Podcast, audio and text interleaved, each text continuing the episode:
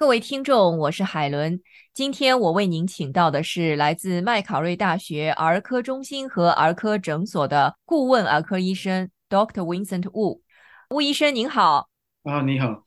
今天呢，我们要来聊一聊如何应对昆虫和陆地动物叮咬的问题。哈，首先想问的是，澳大利亚有哪些有毒的陆地动物和昆虫呢？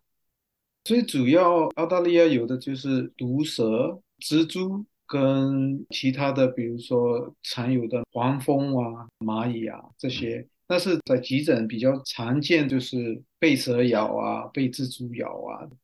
据说啊，被蚂蚁咬伤，轻则过敏，重则致命啊，是真的吗？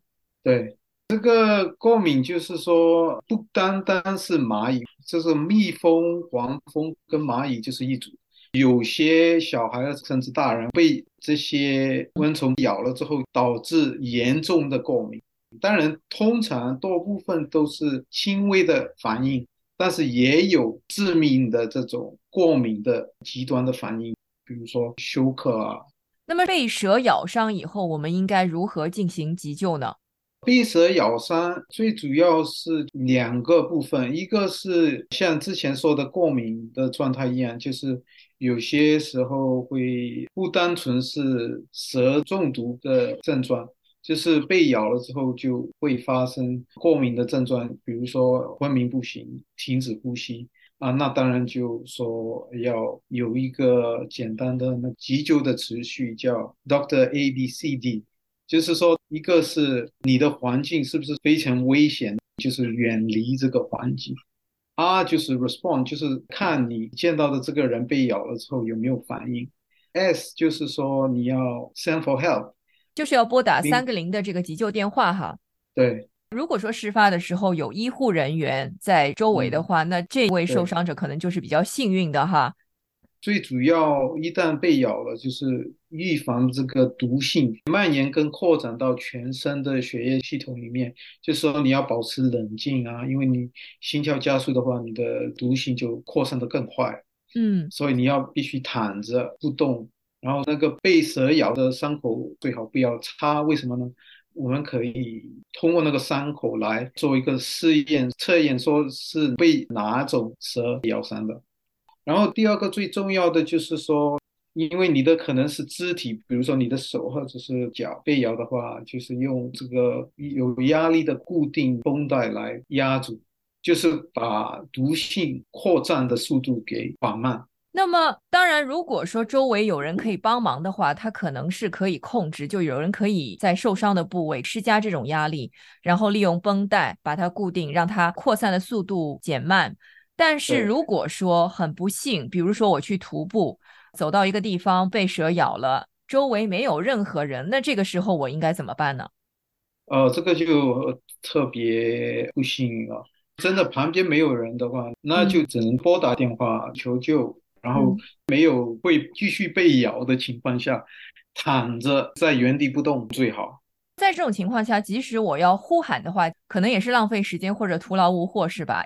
对。因为这些毒性就是通过你的血液里面循环，嗯，所以尽量的保持冷静，躺着不动，在等求救的时间，把毒性扩慢的越长越好。是不是也应该这样？因为澳洲的这种有毒的动物相对来说比较多一些哈。那我们如果说要自己一个人去徒步的时候，最好是要把绷带给带上呢。你要知道，蛇本身就是喜欢在傍晚或者是早晨天气比较凉快的时候活动，它不会在中午大热天活动，就是通常它们会休息。所以傍晚是比较活跃的状态，因为它会找食物啊。这个带不带绷带不一定，可带也可不带。为什么呢？你带了你自己能绑好吗？这个也是一个问题，对吧？就是你中毒的状态严重的话，比如说你根本可能没有力气，或者是你没办法自己做。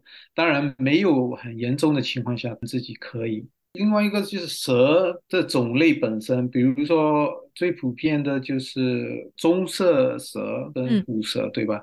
虎蛇的中毒量是百分之六十，棕色蛇是百分之二十。最厉害的就是大斑蛇，就 t y p e 呢。这个是死伤率最高的百分之八十。嗯，一旦被咬了，你没有及时的抢救的话，只需要三十分钟到四十分钟就没办法抢救了。就是说，你一个人在野外的这个存活的时间只有三十到四十分钟，如果要打急救电话，可能要存活的几率也不是很高哈。对，这个就是看其他的因素，比如说你被咬的有两种，是不是干咬，就是被咬了，但是它没有发出那个毒素啊；另外一种就是它已经发出了毒素，也被咬，也把它的毒液给分泌出来了，所以那就比较严重，但是你看是看不出来的。嗯，然后毒性也分蛇的种类，比如说有三种毒性。最常见的是血液毒素，第二种是神经毒素跟肌肉毒素。这里最厉害的是神经毒素，因为一旦你被咬了，很快的你就没办法动了，或者是没办法呼吸，甚至你的心跳就停止了。神经毒素的效率比较快，血液毒素它是比较慢，就是说你的血液没办法凝固，大量出血而致命。肌肉毒素就是说，因为你呼吸也要肌肉的帮助，所以一旦肌肉毒素中毒的话，就是说你没办法走动，没办法呼吸而致命。嗯，蛇咬伤就是一旦你等到急救人员来帮你绷带给绑好了，然后给你送去医院，然后来验这个毒素。判断说是哪一种蛇，然后需不需要给具体的治疗，就是说给他抗蛇毒的血清来缓慢中毒的状态，不一定说完全治愈。接下来你可能要进医院观察，就是观察你的心率啊，你的血压，就是说用抽血来观察你的血里面的指标，比如说你的凝固度啊。你的肾、肝脏的功能啊，这些，所以多半你怀疑被中毒，但是没有中毒的症状的话，比如说你被观察十二个小时，你的身体的各个指标都正常，你的验血的指标也正常的话，你就基本没有危险。嗯，那么被蜘蛛咬伤以后又会发生什么样的情况呢？我们又该怎么办呢？蜘蛛呢，最致命的就是漏头网蜘蛛跟活板门蜘蛛。红背蜘蛛是没有那么致命的，但是致命不致命不单纯是这个蜘蛛的种类。我之前也提过，就是有些人就是对被蜘蛛咬了或者被蛇咬了有严重的过敏症状的话，也会导致致命。当然。蜘蛛的种类给予一个信息，说这个蜘蛛的毒性有多高，跟会不会致命，但是也要看，比如说你的自身被咬之后的状态。其实这个急救的这些方案跟被蛇咬之后的都差不多一样。不一样的在哪里呢？就是被红背蜘蛛咬的话，因为它的毒是可以用，比如说肥皂水洗，可以减轻它的毒素。然后红背蜘蛛的这个最主要的症状是疼，所以你可以比如说用冰块敷，可能要吃止疼药啊这些，疼痛的症状可能要过两三天。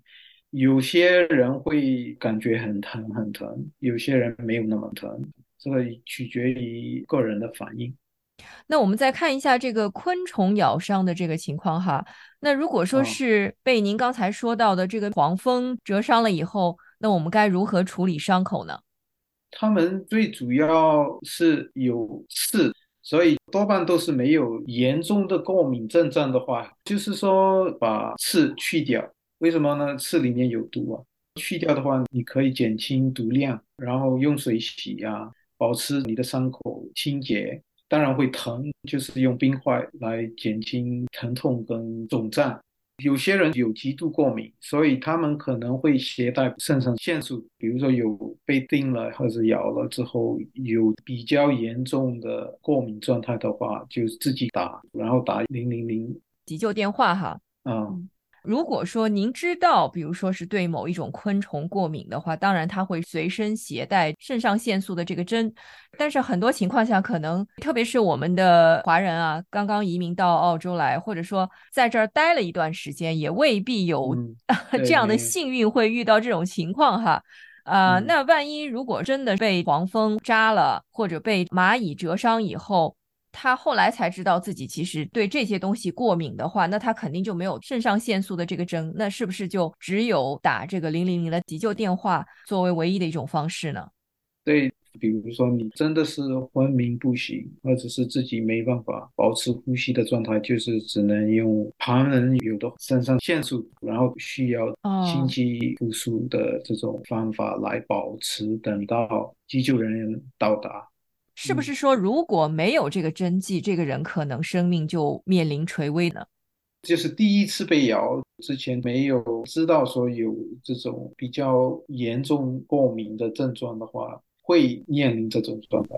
好的，今天非常感谢来自麦考瑞大学儿科中心和儿科诊所的顾问儿科医生 Dr. Vincent Wu 来到 SBS 普通话节目做客，谢谢您。哦，谢谢。